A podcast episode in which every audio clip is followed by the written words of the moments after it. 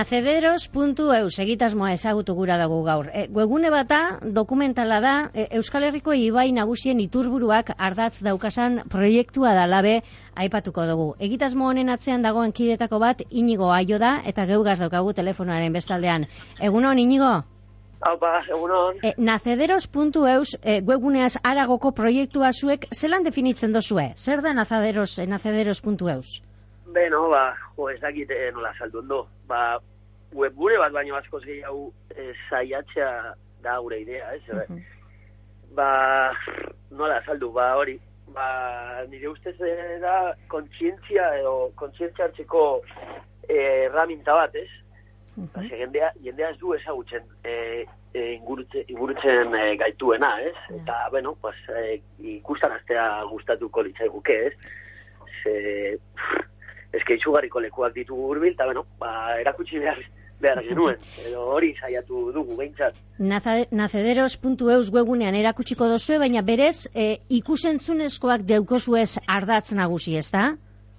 E, bai, badeko ba, bueno, ba, podcast ugari, e, bideo asko, elkarrizketa e, oso interesgarriak, eta, bueno, ba, pizkanaka, pizkanaka igotzen, igotzen joango gara, ba, hori, ba, kontenitua izateko web, weban, Eta beno, baina nola doan, ez daki gorendik.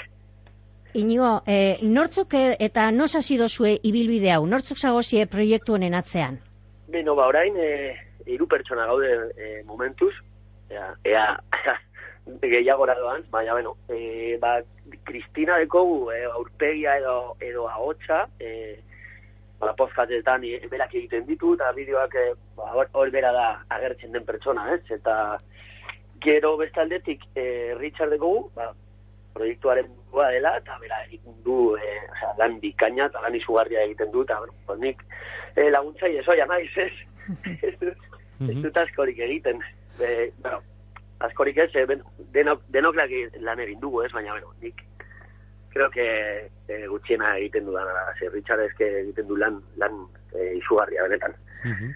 Baina hori, e, iruak e, gara pizkanaka pizkanaka e, burutu genuen proiektua e, eta beno pandemian sortu sortu zen ba hori ba etxean egoteko ez ez ez, genituen gogorik eta beno pues nork ez duen nahi eh, paseo bat ematera joan ibaiaren ertzetan ez? Edo uf, ba hori izan zen pizka bat eh, sortu, sortu zen e, ideia, ez? Mm sortu zen. Inigo, gizakioi zerk lotzen gaitu e, ibaiakaz? Ze gaiti dira ibaiak hain garrantzitsua gure naturan eta eta gure ekosistemetan ze asko egiten dugu berba, itxasoi buruz, aldaketa klimatikoa bai. dala eta glasiarrei buruz bebai, e, urtegiak beha itatzen dira, sikatea dagoenetan, baina ibaiak opur bat e, aldamenean hortxe bide bazterrean itxita deko guzala emoten dau.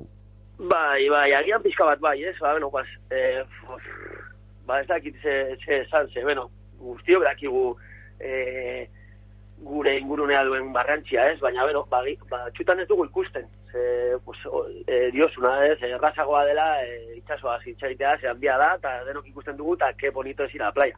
Uh -huh. Baina, ibaia, badu, badu bere, bere garrantzia, ba, basoak mantentzeko, eta eta espalditik eh, e, izan da joe, gure gure arbasoen e, lanaren eta garapenaren e, parte parte handia, ez? Uh -huh. Ze beno, ba, bidean, e, dokumentan e, kontatzen dugun bezala, ba, dau, e, laudio adibidez, e, nola, nola hasi zen iria, ez?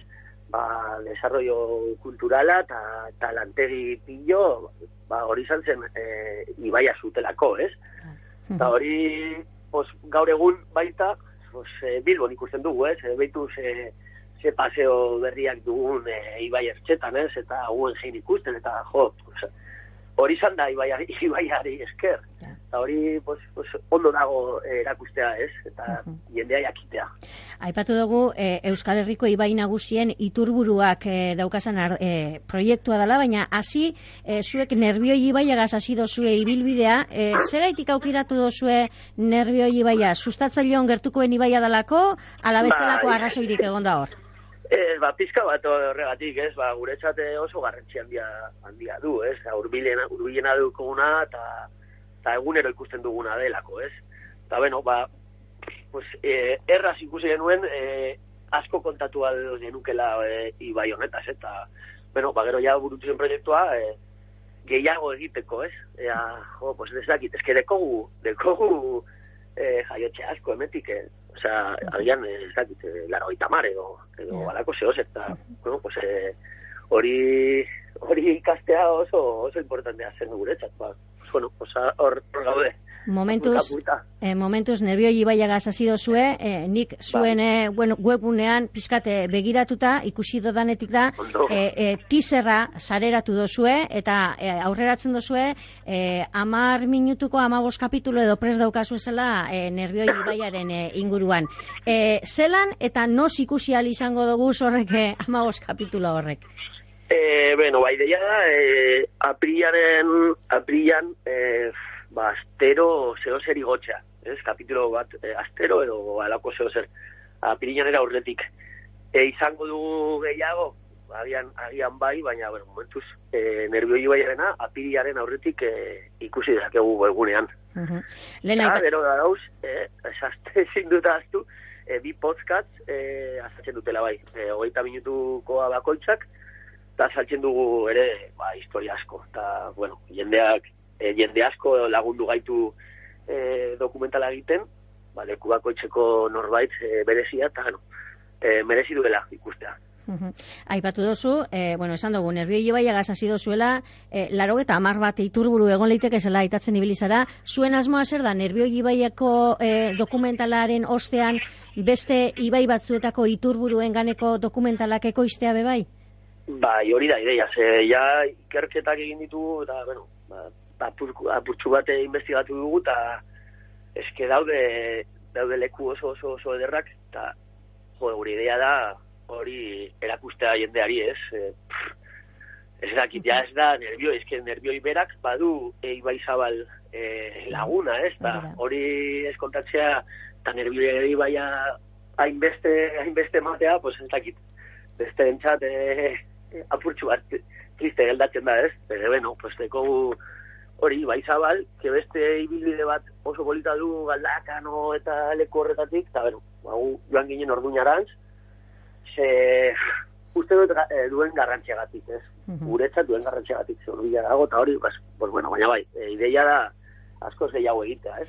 Bueno, ba, adi-adi jarraituko dugu nacederos.eus e, webunean sareratzen dozuen guztira, eta momentuz behintzat, apirilera arte itxarongo dugu, hortxe sareratuko dozuen e, kapituluen barri e, eukiteko. Inigo aio, eskerrik Bai. asko, eta suerterik onena, ibilbide luzea izango dozuela aurrikusten dugu Hori eta. espero dugu, bai, hori espero dugu, bai, eskerrik asko. Hurrengora esker, arte. eh,